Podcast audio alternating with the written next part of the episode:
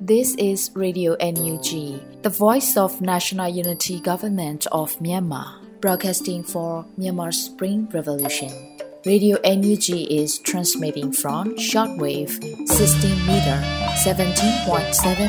MHz at 8:30 a.m. and 25 meter 11.94 MHz at 8:30 p.m. Myanmar Standard Time. မင်္ဂလာပါရှင်။ မြို့သားညီညွတ်ရေးအစိုးရရဲ့အတန်လွန်ဌာန Radio NUG ကိုမနက်ပိုင်း၈နာရီခွဲမှာလိုင်းတူ16မီတာ19.89 MHz ၊ညပိုင်း၈နာရီခွဲမှာလိုင်းတူ25မီတာ17.6 MHz တို့မှာဓာတ်ရိုက်ဖမ်းယူနားဆင်နိုင်ပါတယ်ရှင်။မင်္ဂလာအပေါင်းနဲ့ပြည့်စုံကြပါစေ။အခုချိန်ကစပြီး Radio NUG အစီအစဉ်လေးကိုဓာတ်ရိုက်အတန်လွှင့်ပေးနေပါပြီရှင်။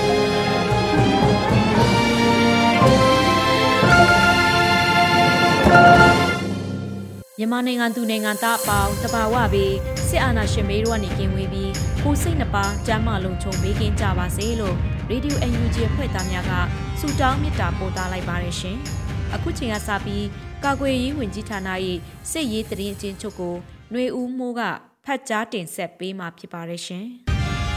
။ကချင်ပြည်နယ်တွင်မတ်လ၈ရက်နေ့ကမန်စီမြို့နယ်မိုင်းခေါင်ကျေးရွာအနီး မကြီးပွန်ပြူဟာကုန်းတို့စစ်ကောင်စီတပ်ခလာရ1နှစ်တည်းစစ်ကောင်စီတပ်သားအင်အားတရာခန့်ဖြင့်အင်အားဖြစ်လာသောကြောင့်ပြည်သူကာကွယ်ရေးတပ်ပေါင်းစုများကခုခံတိုက်ခိုက်ခဲ့ရာ၄နာရီကြာတိုက်ပွဲဖြစ်ပွားခဲ့ပြီးထိခိုက်ကြဆုံးကိုစုံစမ်းနေဆဲဖြစ်ကြောင်းသိရသည်မတ်လ၈ရက်နေ့ည9နာရီခန့်ကမိုးကောင်းမြို့နယ်တောင်နီကျေးရွာအနီးတွင်စစ်ကောင်စီရင်တန်းကို ပြည်သူကာကွယ်ရေးပူးပေါင်းစုအဖွဲ့ကမိုင်းဆွဲတိုက်ခိုက်ရာတက်ကြက်ကြီးညီမျိုးထက်အပါအဝင်စစ်ကောင်စီတပ်သား10ဦးထပ်မံတေဆုံးပြီးစီပေါစာကားတစ်စီးနှင့်ကားလေးစီးပျက်စီးခဲ့ကြောင်းသိရသည်။ကရင်ပြည်နယ်တွင်မတ်လ9ရက်နေ့ကမြဝတီမြို့နယ်လေးကီကော်မြို့တစ်ကိုစစ်ကောင်စီတပ်မှလေရင်နှစ်စီးဖြင့်ဘုံလာကျဲချိန်တွင်ဒေသခံတော်လှန်ရေးတပ်ဖွဲ့များ၏ခုခံတိုက်ခတ်မှုကြောင့် လေရင်တစည်းမှာမိနစ်ပိုင်းအကြာတွင် ပြန်လှည့်သွားပြီးနောက်တစည်းမှာ RPG ရှက်တီကပြန်လှည့်ပြန်သွားခဲ့သည်မွန်ပြည်နယ်တွင်မတ်လ9ရက်နေ့ကရေးမြို့နယ်ကလလေးကျေးရွာနှင့်ဝယ်ရက်ကျေးရွာအကြားရှိတနင်းသာရီလမ်းမပေါ်တွင်ရေးမြို့နယ်အခြေဆိုင်တက်ရင်316အမြောက်တက်မှစစ်ကောင်စီဖောကားကိုရေးပျောက်ကြားအဖွဲ့ YGF မှမိုင်းဆွဲတက်ခတ်ရာ 316အမြောက်တက်မှဗျူဟာမှုတူအပါဝင်စစ်ကောင်စီတပ်သား9ဦးသေဆုံးခဲ့ကြောင်းသိရသည်ရှမ်းပြည်နယ်တွင်မတ်လ10ရက်နေ့နေ့လယ်12:35မိနစ်ခန့်ကတောင်ကြီးမြို့နယ်ရွှေညောင်မြို့ရဲစခန်းဘုံခွဲတိုက်ခတ်ခံရပြီးအ ਨੇ ဆုံးရဲ2ဦးထိခိုက်မှုရှိနိုင်ကြောင်းသိရသည်ချင်းပြည်နယ်တွင်မတ်လ9ရက်နေ့မနက်10:30မိနစ်ခန့်ကချင်းပြည်နယ်အဆက်ရှိကချောင်းရွာတွင်စစ်ကောင်စီတပ်နှင့် CTF ကံပတ်လက်ရောဒေတာကာကွယ်ရေးအဖွဲ့တို့တနအီကြောကြာတိုက်ပွဲဖြစ်ပွားခဲ့ရာစစ်ကောင်စီတပ်သား9ဦးသေဆုံးပြီးအများအပြားဒဏ်ရာရရှိကြောင်းသိရသည်။စကိုင်းတိုင်းတွင်မတ်လ9ရက်နေ့မနက်အစောပိုင်းကချောင်းဦးမြို့နယ်ကံကြီးကျွော်တွင်တက်ဆွဲထားသောစစ်ကောင်စီနှင့်ပြူစောထီးများကို MRA မြောင် Revolution Army 0ပျောက်ကြားတပ်ဖွဲ့မြင်းချံ MGN 35ပျောက်ကြားတပ်ဖွဲ့မြင်းချံ LDF ချောင်းဦး CRA ချောင်းဦးတို့မှ3နာရီကြာတိုက်ခတ်ခဲ့ရာပြူစောတိ9ဦးသေဆုံးခဲ့ပြီးပြည်သူကာကွယ်ရေးတပ်သား3ဦးဒဏ်ရာရရှိခဲ့သည်တိုက်ပွဲအပြီးတွင်စစ်ကောင်စီတပ်သားများနှင့်ပြူစောတိများကယာကြီးကျေးရွာဝေယာကျေးရွာရွှေကူကျေးရွာများရှိနေအိမ်များကိုမီးရှို့ခဲ့သည်မကွေးတိုင်းတွင်မတ်လ10ရက်နေ့ မနက်8:30မိနစ်ခန့်ကစောမြို့နယ်ကြောက်ထုမြို့တွင်ပတ်ကင်းလှည့်နေသည့်စစ်ကောင်စီတပ်သားရဲများအပါအဝင်20ဦးခန့်ကိုကြောက်ထု PDF မြို့ပြပျောက်ကြားတပ်ဖွဲ့နှင့် CDF မင်းတပ်တို့ပူးပေါင်းပြီးမိုင်းများလက်နက်ငယ်များဖြင့်ပစ်ခတ်တိုက်ခတ်ခဲ့ရာစစ်ကောင်စီတပ်သား9ဦးသေဆုံးပြီး10ဦးခန့်မိုင်းထိမှန်ဒဏ်ရာရခဲ့သည်။ပဲခူးတိုင်းတွင်မတ်လ10ရက်နေ့မနက်9:00နာရီခန့်ကပေါင်းတင်မြို့နယ် တိန်ကုန်းအုပ်စုလဲပင်ကျွရအထက်ပဲခူးရုံးမပေါ်သို့တက်လာသည့်စစ်ကောင်စီတပ်သား18ဦးကိုပြည်သူ့ကာကွယ်ရေးတပ်မတော်ကမိုင်းဆွဲတိုက်ခတ်ခဲ့ရာစစ်ကောင်စီဘက်မှတေဆုံးမှုအရေးအတွက်ကိုစုံစမ်းလျက်ရှိကြောင်းသိရသည်ဆက်လက်ပြီးစစ်ကောင်စီကျူးလွန်သောရာဇဝတ်မှုများကို တင်ပြသွားမှာဖြစ်ပါတယ်ကချင်ပြည်နယ်တွင်မတ်လရှိရက်နေ့ကပူတာအိုမြို့နယ်စွန်ပီယန်ကျေးရွာတွင်စစ်ကောင်စီတပ်သားများကပြည်သူများပိုင်စိုင်ကမ်းများနှင့် နေအိမ်20ကျော်ကိုဝင်ရောက်ဖျက်ဆီးပြီးပစ္စည်းများကိုကားများဖြင့်စိတ်ကြိုက်တည်ဆောင်သွားကြောင်းသိရသည်ရှမ်းပြည်နယ်တွင်မတ်လရှိရက်နေ့မနက်ပိုင်းကပင်းတရမြို့နယ်ပန်းစစ်ကျေးရွာမှာကိုကျော်စန်းနှင့်နေ့လယ်ပိုင်းတွင်ရွာငံမြို့နယ်လူကျေးရွာမှာဖုန်ကြီးတပအပါဝင်၄ဦးကိုစစ်ကောင်စီတပ်သားများကဖမ်းဆီးသွားခဲ့ကြောင်းသိရသည်မတ်လ6ရက်နေ့ဖဲခုံမြို့နယ်မိုးပြဲမြို့တွင် စစ်ကောင်စီတပ်သားများဖမ်းဆီးခေါ်ဆောင်သွားသောပွဲကုန်းတစ်ရပ်ကွက်မှကလေးနှစ်ဦးဖြစ်သည့်မောင်အော်ဂတ်စတင်အဖအန်တိုညိုနှင့်မောင်လာဇရုအဖမာနွယ်လက်တို့၏တေဆုံးနေသောအလောင်းများကိုဝါယီစုပလန်ရွာအနီးတွင် တွေ့ရှိခဲ့ရသည်ကရင်နီကရားပြည်နယ်တွင်မတ်လရှိရက်နေ့လွိုင်ကော်မြို့နယ်လွိုင်ကော်မြို့ရွာတန်းရွှေတွင် မကွဲသည့်လက်နက်ကြီးကြီးတလုံးတွေ့ရှိခဲ့ပြီးအချို့သောပြည်သူနေအိမ်များကို စစ်ကောင်စီတပ်သားများဝင်မှွေထားပြီးတံမိုးကြီးပစ္စည်းများယူသွားကြောင်းသိရသည်မကွေးတိုင်းတွင်မတ်လ9ရက်နေ့မနက်ပိုင်းကပေါက်မြို့နယ်ရွှေပုံသာရွာကိုစစ်ကောင်စီတပ်သားများကပိတ်ဆို့ပြီးမီးရှို့ခဲ့သောကြောင့်ပြည်သူပိုင်နေအိမ်6လုံးမီးလောင်ပျက်စီးခဲ့သည်မတ်လ10ရက်နေ့မနက်ပိုင်းကစောမြို့နယ်ကြောက်ထုမြို့တွင်စစ်ကောင်စီတပ်သားများကအပြစ်မဲ့ဒေသခံအမျိုးသမီး3ဦးနှင့်အမျိုးသား2ဦးကိုဖမ်းဆီးခေါ်ဆောင်သွားခဲ့သည်။ စကိုင်းတိုင်းတွင်မတ်လ10ရက်နေ့ကကလေးမြို့နယ်နက်မြောင်းရွာရှိ အောင်မြေယာပြည့်ဖုံးတော်ကြီးကျောင်းစစ်ဆောင်စခန်းကိုစစ်ကောင်စီတပ်သားများကလက်နက်ကြီးနှင့်ပစ်ခတ်ခဲ့ရာစစ်ဆောင်ပြည်သူ9ဦးထိခိုက်ဒဏ်ရာရပြီးတအူးစိုးရင်ဒဏ်ရာရရှိခဲ့သည်ဟုတ်ကဲ့ပါအခုတင်ပြခဲ့တာကတော့အမျိုးသားညီညွတ်ရေးအစိုးရကာကွယ်ရေးဝန်ကြီးဌာနမှထုတ်ဝေသော နေ့စဉ်စည်ရေးသတင်းအကျဉ်းချုပ်များပဲဖြစ်ပါတယ်ခင်ဗျာကျွန်တော်ຫນွေဦးမိုးပါ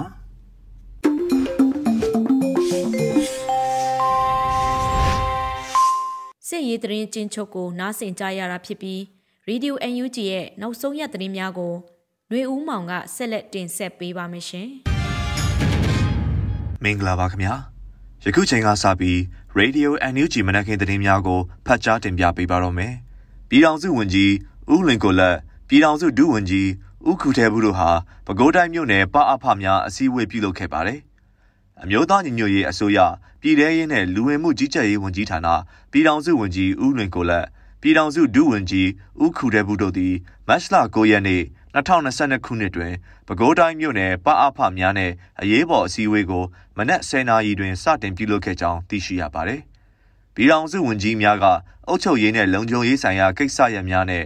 ပအဖအဖွဲ့များကြစ်လက်ခိုင်မာအားကောင်းရေးကိစ္စများကိုတိုင်ပင်ဆွေးနွေးခဲ့ကြတယ်လို့သတင်းထုတ်ပြန်ထားပါတယ်။အဆိုပါအစည်းအဝေးကိုနယ်မြေတာဝန်ရှိပုဂ္ဂိုလ်80ဦးကျော်တက်ရောက်ခဲ့ပြီးမတ်လ9ရက်နေ့မွန်လွယ်12နာရီအချိန်တွင်အစည်းအဝေးပြီးဆုံးခဲ့ကြောင်းသိရပါတယ်ခင်ဗျာဆက်လက်ပြီးကရင်အမျိုးသားများအေးချမ်းစွာပြန်လည်နေထိုင်နိုင်ရန်ဒူးပလာယာခရိုင်ရောက်စစ်ကောင်စီတပ်များဆုတ်ခွာဖို့ KNU ကအချိန်သတ်မှတ်ပေးခဲ့ပါတယ်ကရင်အမျိုးသားအစည်းအရုံး KNU အနေနဲ့ မိမိတို့ကရင်အမျိုးသားများအထိဒုက္ခရောက်နေကြတာကိုကာကွယ်ကူညီနိုင်ရန်တာဝန်ရှိတာဖြစ်တယ်လို့လေးကေကောနဲ့ကော့ကရိတ်တောင်ပိုင်းဒေသများမှာကျူးကျော်နေရယူထားသောအာဏာသိမ်းတပ်များကိုပြန်လည်ဆုတ်ခွာသွားရန် KNU ဒူပလာယာ KI အမှတ်6တပ်မဟာကအသိပေးအကြောင်းကြားလိုက်ပါတယ်အဆိုပါအတိပေးအကြောင်းကြားစာကိုအရှိတောင်တိုင်းစစ်ဌာနချုပ်တိုင်းမှုသို့လိမ့်မှုထားတာတွေ့ရပြီးမတ်လ9ရက်နေ့ရက်စွဲဖြင့်ထုတ်ပြန်ခဲ့တာဖြစ်ပါတယ်။ အမတ်6တပ်မဟာနယ်မြေအတွင်းကို2021ခုနှစ်ဒီဇင်ဘာလ15ရက်ခရဲကစလို့စစ်ကောင်စီရဲ့ထိုးစစ်ဆင်မှုကြောင့်ဒေါနာအရှိချမ်းလေးကေကောဘာအဝင်ပတ်ဝန်းကျင်ကျေးရွာနေပြည်သူများဟာနေရက်စွန့်ခွာထွက်ပြေးစစ်ဘေးဒုက္ခကိုခံနေရကြောင်းတတိပေးစာမှာဖော်ပြပါရှိပါတယ်ခင်ဗျာစစ်ကောင်စီတပ်တွေဟာအဆိုပါရဲရွာဒေသများမှာယနေ့တိုင်အခြေပြုလှုပ်ရှားလျက်ပြည်သူလူထုရဲ့စီးစိမ်အိုးအိမ်တက်ရှိတက်မဲ့တို့ကိုတင်းယူဖျက်ဆီးခြင်းများကျူးလွန်နေတယ်လို့ KNU ကရေးသားထားပြီး စစ်ကောင်စီတပ်များရှိနေခြင်းကြောင့်စစ်ပေးဆောင်ပြည်သူများယနေ့တိုင်ပြန်လည်နေထိုင်ခြင်းမပြုရဲသေးသည့်အခြေအနေကိုရောက်ရှိနေခြင်းဖြစ်တယ်လို့လည်းဖော်ပြထားပါတယ်။ KNU ကရင်အမျိုးသားအစည်းအရုံးဟာကရင်အမျိုးသားများရင်ဆိုင်နေရသောဒုက္ခနဲ့အသက်အိုးအိမ်စီးစိမ်ကိုကာကွယ်ရန်တာဝန်ရှိတယ်လို့လည်းအာနာသိန်းစစ်အုပ်စုထံရာဇသံပေးထားတဲ့အဆိုပါတတိပေးစာမှာအတိအလင်းရေးသားထားပါတယ်။ ပြည်သူတွေဟာနေရကြွားများကိုပြန်လာပြီးအေဂျင့်စွာနေထိုင်လုပ်ကင်စားတောက်ရန်အတွက်၃ရက်အတွင်းစစ်ကောင်စီတပ်များပြန်လည်ဆုတ်ခွာရမှာဖြစ်ကြောင်း KNU တပ်မဟာ6ကအချိန်သတ်မှတ်ချက်နဲ့တကွအကြောင်းကြားခဲ့ပါတယ်။မတ်လ9ရက်နေ့နေ့စွဲဖြစ်တွေးရှိရတဲ့သတိပေးစာကိုမွန်ပြည်နယ်မော်လမြိုင်အခြေဆိုင်အရှိတောင်တိုင်းစစ်ဌာနချုပ်တိုင်းမှုထံသို့ KNU ဒူပလာယာခရိုင်အတွင်းရေးမှူးဘဒိုဆော်လစ်စတန်မှလက်မှတ်ရေးထိုးထုတ်ပြန်ထားတာပါ။ ဝဒိုဆော်လစ်စတန်ကယခုပြည်သူတွေခန်းစားနေရတာလားနဲ့ချီနေပါပြီ။ယာဒီဥဒုကလည်းဖောက်ပြန်မှုတွေကြားထဲမှာနေရထိုင်ခင်းမလုံလောက်တာတွေမိခင်နဲ့ကလေးတွေတက်ကြီးရွယ်အိုတွေအတွက်တော်တော်လေးဆိုးရွားပါတယ်။သူတို့နေအိမ်ကိုအေးအေးချမ်းချမ်းနဲ့ပြန်နေခြင်းကြတယ်။ဒါပေမဲ့စစ်ကောင်စီတပ်တွေကရွာထဲမှာတက်ဆွဲထားတဲ့အတွက်ပြန်နေလို့မရဲကြဘူး။ဒီအခြေအနေတွေကိုတင်ပြလာတဲ့အပေါ်မှာကျွန်တော်တို့ခေါင်းဆောင်တွေခေါင်းချင်းဆိုင်ရေးသားအတီးပြုတ်ပြီးမှကျွန်တော်လက်မှတ်ထိုးတယ်။ ပြီးမှရတာခတိုင်းမှုစီကိုပို့မယ်ပေါ့နော်ဆက်ဆံရေးရုံးကတဆင့်ပေါ့နော်အဲ့ဒီလိုပါပဲလို့ဒေတာကန်သတင်းမီဒီယာ KIC ကိုအသိပေးပြောကြားထားတာကိုလည်းတွေ့ရှိရပါတယ်သုံးရက်အတွင်းအကြောင်းကြားစာမှာပါရှိတဲ့အတိုင်းစစ်ကောင်စီဘက်ကမလိုက်နာခြင်းတက်ဆုပ်ခွာခြင်းမရှိပါကနောက်ပိုင်းအကျိုးဆက်ပြဿနာများသည့်ကရင်အမျိုးသားအစည်းအရုံးဒူးပလာယာခရိုင်တပ်မဟာ6ရဲ့တာဝန်မဟုတ်ဘဲအာနာသိန်းစစ်တပ်ရဲ့တာဝန်သာဖြစ်ကြောင်းအသိပေးအကြောင်းကြားသည်ဟုအတိအလင်းရေးသားထားပါတယ်။ ယခုလို KNU တပ်မဟာ6မှစစ်ကောင်စီထံတတိပေးအကြောင်းကြားစာထွက်ပေါ်လာပြီးနောက်ပိုင်းမှာမတ်လ9ရက်နေ့တွင်စစ်ကောင်စီကတိုက်ခိုက်ရေးရဟတ်ယာဉ်3စီးဖြင့်လာရောက်ပစ်ခတ်တိုက်ခိုက်နေကြောင်းသတင်းများရရှိပါသည်2021ခုနှစ်ဒီဇင်ဘာလပိုင်းမှာစလို့စစ်ကောင်စီရဲ့အကြမ်းဖက်ကျူးကျော်မှုနဲ့အတူတိုက်ပွဲစတင်ခဲ့တဲ့မြဝတီတောင်ဘက်၄ကီကောဒေသစစ်ပွဲများမှာတောင်းနဲ့ချီရဲ့ဒေသခံပြည်သူတွေဟာအိုးအိမ်ဆွန့်ခွာပြီးယနေ့ချိန်ထိစစ်ပေးရှောင်နေရဆဲဖြစ်ပါတယ်ခင်ဗျာ။ ဆက်လက်ပြီးအခြားဒေသများနည်းတူတနင်္သာရီတိုင်းနဲ့ကရင်ပြည်နယ်အတွင်းမှာယခုနှစ်ရောကျသွားတဲ့ဆယ်တန်းဖြည့်ဆိုသူအရေးအတွက်သတင်းကိုတင်ပြပေးပါမယ်။စစ်တပ်ကအတ္တမအာနာသိမ်းထားစဉ်အတွင်းတနင်္သာရီတိုင်းတွင်မှာတက္ကသိုလ်ဝန်ထမ်းစာမေးပွဲကိုဝင်ရောက်ဖြည့်ဆိုမဲ့သူ4000ကျော်သာရှိပြီးကရင်ပြည်နယ်အတွင်းမှာတော့9000ကျော်သာရှိတယ်လို့ဒေသခံသတင်းရင်းမြစ်များထံမှသိရပါတယ်။ တနင်္သာရီတိုင်းအတွင်းမှာနှစ်စဉ်စည်ရင်းများအရဆယ်တန်းဖြည့်ဆိုသူပေါင်း2000ကျော်ရှိခဲ့တာဖြစ်ပြီး COVID-19 စတင်ဖြစ်ပွားခဲ့တဲ့2019-2020ပညာသင်နှစ်မှာ25,264ဦးရှိခဲ့တယ်လို့သိရပါတယ်။ယခုပညာသင်နှစ်အတွင်းဆယ်တန်းစာမေးပွဲများဖြေဆိုခြင်းရောက်မှာတော့ဆယ်တန်းဖြေဆိုဖို့စရင်သွင်းခဲ့သူ4963ဦးဖြစ်ကြောင်းတိုင်းပညာရေးညွှန်ကြားရေးမှူးဦးဝင်းအောင်ကပြောပါတယ်။ ယခုလိုတက်တော်ဝန်ထမ်းခေါ်တဲ့ဆယ်တန်းဖြေဆိုသူစည်ရင်နဲသွားရတာဟာကျောင်းလာအတူနဲနဲသွားလို့ဖြစ်ကြောင်းကိုလည်းညွှန်ကြားရေးမှူးကရှင်းပြပါတယ်။တနင်္သာရီတိုင်းစည်ရင်များအရဆယ်တန်းဖြေဆိုမဲ့ကျောင်းသားကြား1950ဦးဖြစ်ပြီးမ2998ဦးဖြစ်ကစာစစ်ဌာနကိုတိုက်ရိုက်လျှောက်ထားသူ16ဦးဖြစ်ကြောင်းလည်းလက်ထောက်ညွှန်ကြားရေးမှူးဦးစောမင်းယူကပြောပါတယ်။ကျောင်းသားမိဘများပြောစကားအရတော့ နိုင်ငံရေးမတည်ငြိမ်ခြင်းလုံခြုံမှုမရှိဟုယူဆခြင်းအာဏာသိမ်းစစ်ကောင်စီလက်အောက်ကြောင်းမတက်လိုခြင်းစတဲ့အချက်များကြောင့်ယခုလိုသားသမီးများကြောင်းမတက်စေတာဖြစ်တယ်လို့သိရပါတယ်။အလားတူကရင်ပြည်နယ်အတွင်းမှာလည်းဆယ်တန်းဖြည့်ဆို့မဲ့အရေးအတွက်စင်းများပေါ်ထွက်လာပြီးစရင်များအရာဆယ်တန်းစာမွေးဝဲဖြည့်ရန်စရင်ပေးထားသူ9903ဦးရှိကြောင်းသိရပါတယ်။ဒီစရင်ဟာဆိုရင်ရခိုင်နှစ်များထက်သုံးပုံနှစ်ပုံခန့်ရောကျနေတာဖြစ်တယ်လို့လည်းဆိုပါတယ်။ 2021-2022ခုနှစ်ပညာသင်နှစ်အတွက်မြဝတီမြို့အပါအဝင်ကရင်ပြည်နယ်အတွင်းခုနှစ်မြို့မှ10တန်းစာမေးပွဲဖြေဆိုရန်စာရင်းပေးထားသူအတိအကျမှာ9903ဦးရှိကြောင်းပြည်내ပညာရေးမှုရုံးကသတင်းထုတ်ပြန်ချက်အရသိရပါတယ်။ကရင်ပြည်နယ်အတွင်းမြို့နယ်အလိုက်ဖြေဆိုခွင့်ရှောက်လွှာတင်ထားသူလူစီရင်မှာဖအံမြို့နယ်မှာ2049ဦးလှိုင်းပွဲမြို့နယ်မှာ889ဦးတန်တောင်ကြီးမြို့နယ်မှာ200ဦးဖာပုံမြို့နယ်မှာ242ဦး ကော့ကရိတ်မြို့နယ်မှာ1120ဦးကြာအင်းစိတ်ကြီးမြို့နယ်မှာ940ဦးနဲ့မြဝတီမြို့နယ်မှာ665ဦးစုစုပေါင်း9903ဦးရှိပါတယ်။ရခိုင်ကိုဗစ်ကာလမဖြစ်ခင်2019-2020ပညာသင်နှစ်မှာမြဝတီက10တန်းဖြည့်ရလူ1894ဦးရှိခဲ့တဲ့ထိုထဲမှာကျောင်းပြင်ပဖြည့်ဆိုသူ400ကျော်ရှိခဲ့ပါတယ်။ အခုပညာသင်နှစ်မှာတော့ဖြေဖို့ရှောက်လွှာတင်ထားတဲ့လူက665ယောက်ပဲရှိတာဆိုတော့အရင်ကထက်ဖြေဆိုသူ၃ပုံ၂ပုံခန့်ရောကျသွားတာပေါ့လို့မြဝတီမြို့နယ်ပညာရေးမှုရုံးနဲ့နီးစပ်သူတို့ကပြောပြထားပါတယ်2021-2022ခုနှစ်ပညာသင်နှစ်10တန်းစာမေးပွဲကိုလာမယ့်မတ်လ30ရက်နေ့မှဧပြီလ9ရက်နေ့အထိပြုလုပ်သွားမှာဖြစ်ပါတယ်။ စစ်အာဏာရှင်ကအယက်သားအစိုးရကိုအဓမ္မဖြုတ်ချအာဏာလုယူခဲ့တာကြောင့်စီဒီအန်ဝန်ထမ်းများရဲ့ဒေါ်လန်မှုနဲ့တသားတည်းမြန်မာပြည်အနှံ့ကចောင်းသားများကလည်းစစ်ကြုံပညာရေးကိုစန့်ကျင်ဆန္ဒပြခဲ့တာဖြစ်ပါတယ်ခင်ဗျာဆက်လက်ပြီးမြို့သိမ်းတိုက်ပွဲတွေဖန်တီးဖို့အတွက်အထူးကွန်မန်ဒိုတပ်ဖွဲ့ပြင်နေပြီဖြစ်ကြောင်း PRA ကဗိုလ်ဂျပန်ကအသိပေးပြောကြားပါတယ်။မတ်လ9ရက်နေ့တွင် People Revolution Army PRA အဖွဲ့ခေါင်းဆောင်ဗိုလ်ဂျပန်ကအခုလိုအသိပေးပြောဆိုလိုက်တာပါ။ မြို့သိမ်းတိုက်ပွဲတွေဖန်တီးဖို့အတွက်အချိန်နေရာမရွေးတိုက်ပွဲဝင်နိုင်ဖို့အထူးကွန်မန်ဒိုအဖွဲ့တစ်ခုကိုပြင်ဆင်နေပါတယ်။ကျွန်တော်တို့မှာစစ်ကောင်စီလာရလမ်းကြောင်းကိုမိုင်းဆွဲပြစ်ပြေးတိုက်ပွဲပုံဖော်နိုင်တဲ့အတွေ့အကြုံနဲ့များပြားတဲ့ရဲဘော်တွေအများပြားကိုပိုင်ဆိုင်ထားပါတယ်။ဒါပေမဲ့မြို့သိမ်းတိုက်ပွဲတွေအတွက်ကစစ်ကောင်စီတွေရှိနေတဲ့နေရာကိုတွားရောက်တိုက်ခိုက်ဖို့အထူးကွန်မန်ဒိုအဖွဲ့တစ်ခုကိုအခုလိုဖန်တီးရခြင်းဖြစ်ပါတယ်လို့သူကဆိုပါတယ်။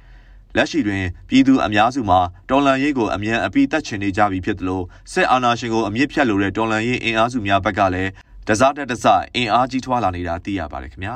။ပြည်မြို့ဘရင်နောင်လန်းကိုအလန်ဒီတိုင်းစစ်ကောင်စီဝန်ထမ်းများလာဆိုင်ကလမ်းအလဲပေ90ကျော်တဲ့အရက်သားနေအိမ်များကိုမတ်လ23ရက်နေ့နောက်ဆုံးထားဖျက်ခိုင်းထားတယ်လို့သတင်းရရှိပါတယ်။မတ်လ9ရက်နေ့မှာအလန်ဒီတိုင်းများစိုက်သွားကတတိပေးသွားခြင်းဖြစ်တယ်လို့ဒေသသတင်းအရင်းမြစ်တွေစီကသိရပါတယ်။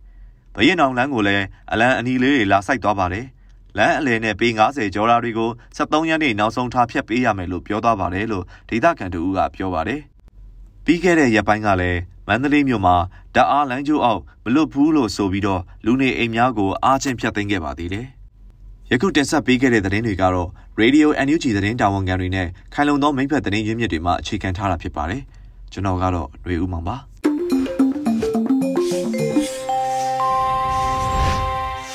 Radio UNG မှဆက်လက်တန်လှည့်နေပါတယ်။ဆက်လက်ပြီးတော့ပြည်သူခုခံတော်လှန်စစ်တရင်များကိုຫນွေဦးလိပ်ပြာကတင်ဆက်ပေးပါမယ်ရှင်။ပထမဆုံးအနေနဲ့ကရင်ပြည်နယ်အတွင်းမှာဖြစ်ပွားခဲ့တဲ့တပတ်အတွင်းတိုက်ပွဲအခြေအနေတွေနဲ့ပတ်သက်ပြီးတော့သတင်းတင်ဆက်ပေးပါမယ်။ ကရင်ပြည်နယ်အဆက်ကဒီမော့ဆိုမြို့နယ်မှာအကြမ်းဖက်စစ်တပ်နဲ့ပြည်သူ့ကာကွယ်ရေးတပ်ဖွဲ့ဝင်တွေကြားတိုက်ပွဲတွေပြင်းပြင်းထန်ထန်ဖြစ်ပွားနေပါတယ်။အဲဒီတိုက်ပွဲတွေနဲ့ပတ်သက်ပြီးတော့ကရင်အမျိုးသားများကာကွယ်ရေးတပ်ဖွဲ့ KNDF ကတပတ်အတွင်းဖြစ်ပွားခဲ့တဲ့အခြေအနေတွေနဲ့ပတ်သက်ပြီးတော့ဒီနေ့မှသတင်းထုတ်ပြန်လိုက်ပါတယ်။ရှမ်းပြည်နယ်တောင်ဘက်ကနေစတင်လာတဲ့အကြမ်းဖက်စစ်ကောင်စီတပ်တွေရဲ့ထိုးစစ်ဆင်မှုကဒီမော့ဆူမြို့နယ်ဆောင်းဒူရွာတဲ့ကြေးရွာအုပ်စုပူဖားရွာနဲ့ သေးစုလဲရွာအထိရောက်ရှိလာခဲ့ပါတယ်။အကြမ်းဖက်စစ်တပ်ကသူတို့ထိုးစစ်ဆင်မဲ့လမ်းကြောင်းတစ်လျှောက်မှာရှိတဲ့ကြေးရွာတွေကိုလမ်းကြောင်းရှင်းလင်းတဲ့အနေနဲ့ကနဦးလေးချောင်းပုံကျဲတိုက်ခိုက်တာတွေလက်နက်ကြီးတွေနဲ့ပစ်ခတ်တာတွေပြုလုပ်ခဲ့သလိုမြေပြင်စစ်ကြောင်းတွေကလည်းထိုးစစ်ဆင်မှုတွေပြုလုပ်ခဲ့ပါတယ်။ KNDF ရဲ့သတင်းထုတ်ပြန်ချက်မှာတော့အကြမ်းဖက်စစ်တပ်ကလမ်းကြောင်းတစ်လျှောက်မှာရှိတဲ့ကြေးရွာတွေကိုဝင်ရောက်ပြီးတော့အရက်သားပြည်သူတွေကိုတပ်သားနေအိမ်တွေကိုဖောက်ထွင်းပြီးမိရှို့ဖျက်ဆီးတာတွေလှုပ်ဆောင်နေတယ်လို့ဆိုပါတယ်။ မတ်လာတရက်ဖြစ်ပွားခဲ့တဲ့ဖြစ်စဉ်တွေမှာဒီမော့ဆူမြို့နယ် OK ကြေးရွာအုပ်စုကျွန်းတော်ကြေးရွာအတွင်းကိုအကြံဖက်စစ်ကောင်စီရဲ့တပ်တွေစစ်ကြောင်းထိုးလာတာကြောင့်အကြံဖက်စစ်ကောင်စီတပ်တွေနဲ့ကီနီပူပေါင်းတပ်တွေအကြားထိတွေ့ထိုက်ပွဲတွေဖြစ်ပွားခဲ့ပါတယ်။တိုက်ပွဲအတွင်းမှာအကြမ်းဖက်စစ်တပ်ဘက်ကတင်ကားတွေအုံပြုတိုက်ခိုက်ခဲ့ပေမဲ့လည်းရင်းတို့ဘက်ကပဲထိခိုက်မှုများပြားခဲ့ရတယ်လို့သတင်းထုတ်ပြန်ချက်မှာဖော်ပြထားပါတယ်။ မတ်လ2ရက်ဖြစ်ပွားခဲ့တဲ့ဖြစ်စဉ်တွေမှာဒေါ်ပူကူနဲ့ဒေါ်ပီတာကြီးရွာအကြားကိုစစ်ကြောင်းထိုးလာတဲ့အကြမ်းဖက်စစ်ကောင်စီတပ်တွေနဲ့ကီနီပူပေါင်းတပ်တွေအကြားနှစ်ဖက်ထိတွေ့မှုဖြစ်ပွားခဲ့ပါတယ်။အဲဒီနေ့အစောပိုင်းမှာဒီမော့ဆိုမြို့နယ်စင်တောင်ကြီးရွာအတွင်းမှာအကြမ်းဖက်စစ်ကောင်စီတပ်တွေကကြီးရွာအတွင်းအရက်သားပြည်သူ3ဦးကိုတပ်ဖြတ်ပြီးနေအိမ်တွေကိုမိရှုဖျက်ဆီးမှုတွေပြုလုပ်ခဲ့ပါတယ်။ မတ်လ3ရက်ဖြစ်ပွားခဲ့တဲ့ဖြစ်စဉ်တွေမှာစောင်းတူရွာတစ်အုပ်စုဒေါ်ကမီနဲ့စီလီတုံကျေးရွာအကြားမှာတပ်ဆွဲထားတဲ့အကြံဖက်စစ်ကောင်စီတပ်တွေကိုကီနီပူမောင်းတပ်တွေကဝင်ရိုက်တွက်ခတ်ခဲ့ပါတယ်။တိုက်ပွဲအတွင်းမှာအကြံဖက်စစ်ကောင်စီတပ်ဖက်က၄ဦးသေဆုံးခဲ့ပါတယ်။မက်ရှလာလေးရဲ့ဖြစ်ပွားခဲ့တဲ့ဖြစ်စဉ်တွေမှာဒီမော့ဆိုမျိုးနဲ့ပူဖားကြီးရွာနဲ့တေးဆူလဲကြီးရွာအတွင်း ကရင်နီပူပေါင်းတပ်နဲ့အကြံဖက်စစ်ကောင်စီတပ်တို့နှစ်ဖက်ထိတွေ့ထိုက်ပွဲဖြတ်ထပ်မှန်ဖြစ်ပွားခဲ့ပါတယ်။တိုက်ပွဲမှာအကြံဖက်စစ်ကောင်စီတပ်တွေဘက်ကစစ်ကြောင်း၃ကြောင်းနဲ့တင့်ကားတွေအပါအဝင်အတွဲလိုက်ပစ် Rocket Dome MLRS တွေအသုံးပြုခဲ့ပါတယ်။အဲ့ဒီလိုပဲဘောကလက်ခဲမြို့နယ်နန်းဖဲကျေးရွာအတွင်းမှာမွန်တဲ17နာရီခွဲကနေမွန်လွယ်16နာရီအထိအကြမ်းဖက်စစ်စစ်ကောင်စီတပ်တွေနဲ့ KNY တမတော် KA KNDF တို့အကြားတိုက်ပွဲတွေဖြစ်ပွားခဲ့ပါတယ်။နှစ်ဖက် ပြစ်ခတ်မှုအတွင်းမှာအကြံဖက်စစ်ကောင်စီဘက်က၄ဦးသေပြီးမြေမြုပ်မိုင်းထီလို့အနည်းဆုံး9ယောက်ဒဏ်ရာရခဲ့ပါတယ်လို့ဆိုပါတယ်။ဒါအပြင်နန်းဖဲကျေးရွာအုပ်စုကွက်တစ်ကျေးရွာအတွင်းမှာအကြမ်းဖက်စစ်တပ်ကအရက်သားပြည်သူနှစ်ဦးကိုအရှင်လက်လက်မိရှို့တပ်ဖြတ်ခဲ့ပြီးကွက်တစ်နဲ့တာယာကုန်းရက်ကွက်အတွင်းကနေအိမ်ငါးလုံးကိုမိရှို့ဖျက်ဆီးခဲ့ပါတယ်။ နမ်ဖဲတိုက်ပွဲနဲ့ဒီမော့ဆိုပူဖားတိုက်ပွဲအတွင်းမှာ KNDF ဘက်ကရဲဘော်2ဦးကြာဆုံးခဲ့ရပါတယ်။ကြာဆုံးခဲ့တဲ့ရဲဘော်2ဦးကို KNDF ကအာဇာနည်သူရဲကောင်းအဖြစ်တမိုင်းမှတ်တမ်းတင်အလေးပြုတယ်လို့ဖော်ပြထားပါတယ်။မတ်လ9ရက်ဖြစ်ပွားခဲ့တဲ့ဖြစ်စဉ်တွေမှာဒီမော့ဆိုဆောင်းတူရွာတစ်အုပ်စုပူဖားကျေးရွာနဲ့တေးဆူလဲကျေးရွာဒိုစီကိုစစ်ကြောင်းထိုးလာတဲ့အကြံဖက်စကောင်စီတပ်တွေကိုကရင်နီပူပေါင်းတပ်တွေကပျောက်ကြားတိုက်ခိုက်မှုတွေလှုပ်ဆောင်ခဲ့ကြပါတယ်။ မတ်လ6ရက်ဖြစ်ပွားခဲ့တဲ့ဖြစ်စဉ်တွေမှာတေးစုလဲကျေးရွာနဲ့ကြောက်စေကန်စိုက်ပျိုးလေယာကွင်းတွေပတ်စီစစ်ထိုးစစ်ဆင်လာတဲ့အကြမ်းဖက်စစ်ကောင်စီတပ်တွေကိုကရင်နီပူးပေါင်းတပ်တွေကခုခံတိုက်ခိုက်ခဲ့ရာထိခိုက်မှုများပြားခဲ့ပါတယ်။အဲ့ဒီလိုအခြေအနေတွေကြောင့်တိုက်လေရင်နှစ်စင်းနဲ့ခုနှစ်ကြိမ်တိုင်တိုင်လာရောက်တိုက်ခိုက်ခဲ့တယ်လို့ဆိုပါတယ်။ကြောက်စေကန်တိုက်ပွဲအတွင်းအကြမ်းဖက်စစ်ကောင်စီတပ်ဖက်က20ဦးသေဆုံးခဲ့ပြီး2ဦးကိုအရှင်ဖမ်းဆီးရမိခဲ့ပါတယ်။ ဒါအပြင်တိုက်ပွဲအတွင်းလက်နက်ခဲယံအချို့ကိုလည်းတင်ဆက်ရမိခဲ့ပါတယ်။မတ်လ9ရက်ဖြစ်ပွားခဲ့တဲ့ဖြစ်စဉ်တွေမှာကြောက်စေကန်ကုန်းသားနဲ့တေးဆူလဲကျေးရွာအနီးမှာမနက်ပိုင်းအတွင်းတိုက်ပွဲတွေဆက်လက်ပြင်းထန်ခဲ့ပြီးအကြမ်းဖက်စစ်ကောင်စီတပ်ဖက်ကတိုက်လေရင်ရဟတ်ရင်တွေအုံပြုကလေးချောင်းတိုက်ခိုက်မှုအကြိမ်ပေါင်း12ကြိမ်အထိပြုလုပ်ခဲ့တယ်လို့ဆိုပါတယ်။ရင်းတိုက်ပွဲအတွင်းမှာအကြံဖက်စစ်ကောင်စီတပ်ဖက်က15ဦးသေဆုံးခဲ့တယ်လို့လက်နက်ငယ်နဲ့ခဲယမ်းအချို့သိမ်းဆည်းရမိခဲ့ပါတယ်။ မက်လာရှိရဲ့ဖြစ်ပွားခဲ့တဲ့ဖြစ်စဉ်တွေမှာဒီမော့ဆူမြို့နယ်ဆောင်းဒူလာကျေးရွာကိုအကြက်ဖက်စစ်ကောင်စီတပ်တွေကမနက်အစောပိုင်း2နာရီခွဲမှာလေးချောင်းဖြင့်ပုံကျဲတိုက်ခိုက်ခဲ့ပါတယ်။ပုံကျဲတိုက်ခိုက်မှုကြောင့်ကျေးရွာအတွင်းရှိခရစ်ယာန်ဖျားရှိခိုးကျောင်းတစ်စောင်းပျက်စီးခဲ့ရပါတယ်။ပုံကျဲတိုက်ခိုက်မှုအပြီးနနက်ခင်းအာယုံဦးအချိန်မှာဆောင်းဒူလာကျေးရွာကိုလက်နက်ကြီးတွေနဲ့ထပ်မံပစ်ခတ်ခဲ့လို့ကဲဆယ်ရေးအဖွဲ့ဝင်လူငယ်2ဦးထိခိုက်ဒဏ်ရာရရှိခဲ့ပါတယ်။ အကြံဖက်စစ်ကောင်စီတပ်တွေကပူဖားကျေးရွာအနီးမှာတဆွဲထားလျက်ရှိပြီးကျေးရွာအတွင်းနေအိမ်များအားမိရှို့ဖျက်ဆီးတာတွေလှုပ်ဆောင်ခဲ့ပါတယ်။ဒါအပြင်စစ်ကောင်စီတပ်ဖက်ကလက်နက်ကြီးနဲ့ရန်တမ်းပစ်ခတ်မှုကြောင့်တိုက်ပွဲဖြစ်ပွားခြင်းမရှိတဲ့လွိုက်ကော်မြို့နယ်လဲထွဲကျွေရွာအတွင်းလက်နက်ကြီးကြီးကြရောက်ခဲ့ပြီးအမျိုးသား2ဦးအမျိုးသမီး2ဦးနဲ့အသက်12နှစ်အောက်ကလေး3ဦးစုစုပေါင်း6ဦးသေဆုံးခဲ့တယ်လို့စေကျော်သက်အရွယ်မိန်းကလေး2ဦးနဲ့ဖခင်ဖြစ်သူတို့ဒဏ်ရာရရှိခဲ့ပါတယ်။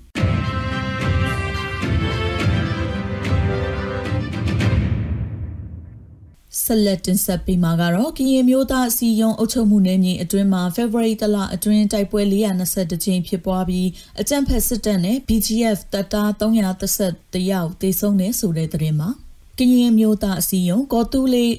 ချုပ်မှုနယ်မြေအတွင်းမှာပြီးခဲ့တဲ့ဖေဖော်ဝါရီလတလတာအတွင်းထိတွေ့ဖြစ်ခတ်မှုတိုက်ပွဲပေါင်း420ကြိမ်ဖြစ်ပွားခဲ့ပြီးအကြမ်းဖက်စစ်တပ်နဲ့နေချဆောင်တပ် BGF တိုးဘက်က311ယောက်တေပြီး228ယောက်ထိခိုက်ဒဏ်ရာရရှိခဲ့တယ်လို့ဖော်ပြထားပါတယ်။ ကရင်မျိုးသားအစည်းအရုံး KNU ရဲ့ကရင်အမျိုးသားလွတ်မြောက်ရေးတပ်မတော် KNL နဲ့ကရင်မျိုးသားကာကွယ်ရေးတပ် KNDO တို့ဘက်က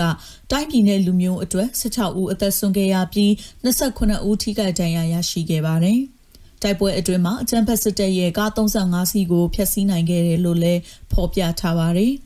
အာနာသိန်းစစ်ကောင်စီရဲ့တပ်တွေနဲ့နေချားဆောင်တပ် BGF တို့ကပြည်သူလူထုတွေနေထိုင်ရာကျေးရွာတွေနဲ့လုပ်ငန်းခွင်တွေအတွင်းကိုလက်နက်ကြီးများအလုံး400ကျော်ပစ်ချခဲ့ပါတယ်။ဒါအပြင်မူတရခရိုင်တပ်မဟာငါအတွင်းမှာအာနာသိန်းစစ်ကောင်စီကလေရင်နဲ့နှစ်ကြိမ်လာရောက်ပစ်ခတ်ပြီးနေရာ9နေရာကိုပုံစံလုံးချိခဲ့တယ်လို့သိရှိရပါတယ်။မြေပြင်မှာယခုတွေ့ရတဲ့သတင်းချက်လက်များထက်ပို၍ဖြစ်ပွားနိုင်ပါတယ်ရှင်။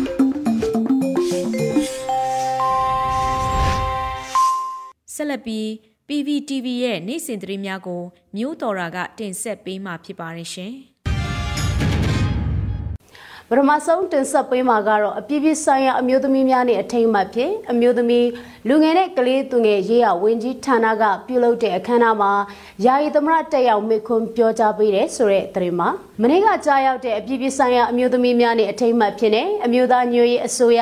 အမျိုးသမီးလူငယ်နဲ့ကလေးသူငယ်ရေးရဝင်းကြီးဌာနကဦးစီးပြီးတော့ Break the Bias Reject Dictatorship Council နဲ့အခမ်းအနားတရက်ကိုကျင်းပပြုလုပ်ခဲ့ရမှာယာယီသမရဒူဝလာရှိလာကတက်ရောက်ပြီးအဖွင့်အမှားစကားပြောကြားပေးခဲ့ပါတယ်။ယာယီသမရဒူဝလာရှိလာကမြန်မာအမျိုးသမီးတွေက အာနာရှင်မှန်သမျှအမြင့်ပြတ်ကြာရှုံးရေးအတွက်မြန်မာနွေဦးတော်လှန်ရေးရဲ့အရေးကြီးတဲ့အခမ်းကဏ္ဍမှာပါဝင်ခဲ့မှုကိုအတိမတ်ပြုဂုဏ်ယူပါကြောင်းမတရားအာဏာသိမ်းစစ်ကောင်စီကိုစန့်ကျင်ပြီးငြိမ်းချမ်းစွာဆန္ဒပြခြင်းအကြမ်းမဖက်အာဏာဖီဆန်ခြင်းလူသားချင်းစာနာထောက်ထားမှုလုပ်ငန်းများ fundraising ပြုလုပ်ခြင်းနဲ့နိုင်ငံရေးကောင်းဆောင်မှုအပါအဝင်လက်နက်ကင်တော်လှန်ရေးတွင်ပါဝင်နေကြကြောင်းမတရားမှုကိုတွန်းလှန်ရင်းရဲဝံ့စွာအသက်ဆုံးခဲ့သူမိခင်နဲ့ကလေးအပါအဝင်အမျိုးသမီးများမတရားဖန်ဆီးထိန်းသိမ်းခံထားရသူတွေအားဂုံပြုချီးကျူးမေတ္တာပို့တာပါကြောင်းပြောကြားခဲ့ပါတယ်။ ဆက်လက်ပြီးတော့သမရက2021ခုနှစ်အပြည်ပြည်ဆိုင်ရာအမျိုးသမီးများနေ့မှာနိုင်ငံတော်ဝန်လုံးအုပ်အုပ်သေးသေးငြိမ်းချမ်းစွာဆန္ဒပြခဲ့တဲ့ထမိန်တပိတ်တွေကမြန်မာအမျိုးသမီးတွေရဲ့အမျိုးမျိုးသောဗက်လိုက်မှုခွဲခြားဆက်ဆံမှုနဲ့အယူသီးမှုကိုချိုးဖျက်ခဲ့တဲ့တာရကများဖြစ်ကြောင်းအမျိုးသမီးရေးရာကိစ္စတွေမှာအမျိုးသမီးတွေအတွက်သာအလေးထားသင့်တဲ့ကိစ္စမဟုတ်ကြောင်းမိမိတို့အားလုံးဗက်လိုက်မှုစံနမူနာတွေနဲ့အမျိုးသမီးတွေကိုထပ်မံခွဲခြားဆက်ဆံခြင်းကနေကင်းစင်နဲ့ကဘာကြီးကိုစောင့်ကြည့်ပေးဖို့အစိတ်အပိုင်းများဖြစ်ဖို့လိုအပ်ပြီးဂျာမတန်းတူညီမျှမှုကိုမိမိတို့ရဲ့အဓိကတံပိုးတွေတွေးခေါ်ပုံတွေမှာအမြဲတမ်းထဲသွင်းတင်ကြောင်းလက်ရှိတော်လှန်ရေးမှာလည်းအမျိုးသမီးတွေရဲ့ပါဝင်ဦးဆောင်မှုနဲ့အရေးတော်ပုံအောင်နိုင်ရေးကိုဆက်လက်ပြုလုပ်ရမှာဖြစ်တဲ့အကြောင်းပြောကြားခဲ့တာတွေ့ရပါတယ်။ ဆက်လက်တင်ဆက်ပေးမှာကတော့အမျိုးသားညီညွတ်ရေးအစိုးရစီးပွားရေးနဲ့ကုသရေးဝယ်ရေးဝန်ကြီးဌာနကအပြည့်ပြည့်ဆိုင်ရာအမျိုးသမီးများနေမှာဆွေးနွေးပွဲပြုလုပ်ခဲ့တဲ့ဆိုတဲ့သတင်းမှာအမျိုးသားညီညွတ်ရေးအစိုးရစီးပွားရေးနဲ့ကုသရေးဝယ်ရေးဝန်ကြီးဌာနကနေပြီးတော့မနေ့ကကြာရောက်တဲ့အပြည့်ပြည့်ဆိုင်ရာအမျိုးသမီးများနေအထိမ်းအမှတ်ဖြစ်တဲ့ဆွေးနွေးပွဲတစ်ခုကိုပြုလုပ်ခဲ့ပါတယ်။ဆွေးနွေးပွဲကောင်းစဉ်ကို Women's Economic Empowerment as a Preconditions for Sustainable Development and Resilience Resistance in Myanmar လို့ပေးထားပြီးမလာရှိရဲ့မွန်လွယ်တနာရီကနေ၄နာရီထိပြုလုပ်ခဲ့ကြတာဖြစ်ပါတယ်။ဆွေးနွေးပွဲမှာစီးပွားရေးနဲ့ကုသရေးဝယ်ရေးဝန်ကြီးဌာနပြည်ထောင်စုဝန်ကြီးတော်ခင်မမမျိုးကအပွင့်အမစကားပြောကြားခဲ့ပြီးအပြည်ပြည်ဆိုင်ရာအမျိုးသမီးများနဲ့အထိမ်းအမှတ်ကျင်းပရခြင်းရဲ့ရည်ရွယ်ချက်တွေကိုရှင်းလင်းဆွေးနွေးခဲ့ပါတယ်။ အဲဒီနောက်တက်ရောက်လာသူတွေကဒေါ်လာရဲ့ကာလမှာအမျိုးသမီးတွေရဲ့အခန်းကဏ္ဍအရေးပါမှုအမျိုးသမီးတွေရဲ့စွမ်းဆောင်ရည်တွေမြင့်မားလာမှုဤပညာစေကွက်မူဝါဒတွေလက်ရှိရင်ဆိုင်နေရသောစိန်ခေါ်မှုတွေစီးပွားရေးလုပ်ငန်းတွေမှာအမျိုးသမီးတွေပုံမပါဝင်လာပြီးလှုပ်ဆောင်နိုင်ဖို့နည်းလမ်းတွေကိုအပြန်အလှန်ဆွေးနွေးအကြံပြုခဲ့ကြပါတယ်။ဆွေးနွေးပွဲကိုလွတ်တော်ကိုယ်စားလှယ်တွေအစိုးရတာဝန်ရှိသူတွေ CTM တိုက်ပွဲဝင်တွေတက်ရောက်ခဲ့ကြပါတယ်။ ဆက်လက်တင်ဆက်ပေးမှာကတော့ International Women's of Courage Awards ကိုအမျိုးသားညီရေးအစိုးရအဖွဲ့ဒုဝန်ကြီးတဦးဖြစ်သူမာအီတင်စာမောင်ရရှိတဲ့ဆိုတဲ့သတင်းမှာ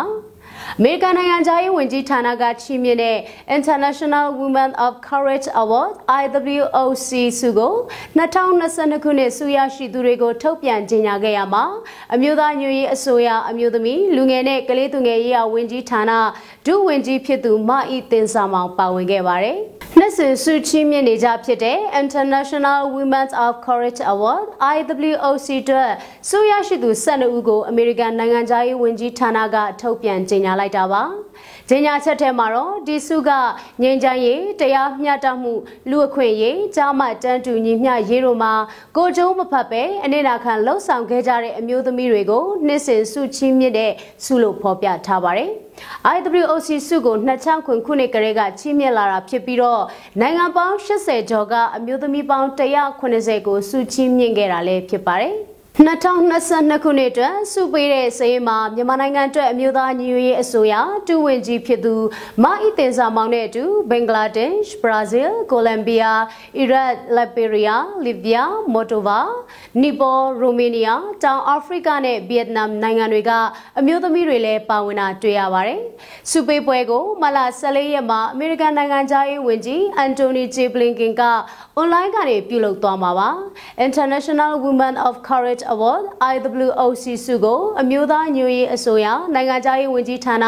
ပြည်ထောင်စုဝန်ကြီးဖြစ်သူဒေါ်စင်မာအောင်က2012ခုနှစ်မှာရရှိထားပါတယ်။ကျေးဇူးတင်ပါတယ်ရှင်။ဒီကနေ့ကတော့ဒီညနဲ့ပဲ Radio NUG ရဲ့အစီအစဉ်လေးကိုခਿੱတရနာလိုက်ပါမယ်ရှင်။မြမစံတော်ချိန်မနက်၈နာရီခွဲနဲ့ည၈နာရီခွဲအချိန်တွေမှာပြန်လည်ဆုံတွေ့ကြပါစို့။ Radio NUG ကိုမနက်ပိုင်း၈နာရီခွဲမှာ လိုင်းတူ16မီတာ19.8 MHz ညပိုင်း၈နာရီခွဲမှာလိုင်းတူ25မီတာ17.6 MHz တို့မှာဓာတ်ရိုက်ဖမ်းလို့နိုင်နိုင်ပါပြီ။မြန်မာနိုင်ငံသူနိုင်ငံသားတွေကိုစိတ်နှပြကျန်းမာချမ်းသာလို့ဘေးကင်းလုံခြုံကြပါစေလို့ Radio NUG အဖွဲ့သူဖွဲ့သားတွေကဆုတောင်းမြတ်တာပို့တာလိုက်ရပါတယ်ရှင်။အမျိုးသားညီညွတ်ရေးအစိုးရရဲ့စက်သွေးရေးသတင်းအချက်အလက်နဲ့လူပညာဝန်ကြီးဌာနက ထုတ်လွှင့်နေတဲ့ Radio NUG ဖြစ်ပါတယ်။ San Francisco Bay Area အခြေစိုက်မြန်မာမိသားစုတွေနဲ့နိုင်ငံတကာကစေတနာရှင်လို့အားပေးနေတဲ့ Radio NUG ဖြစ်ပါတယ်။အရေးတော်ပုံအောင်ရမည်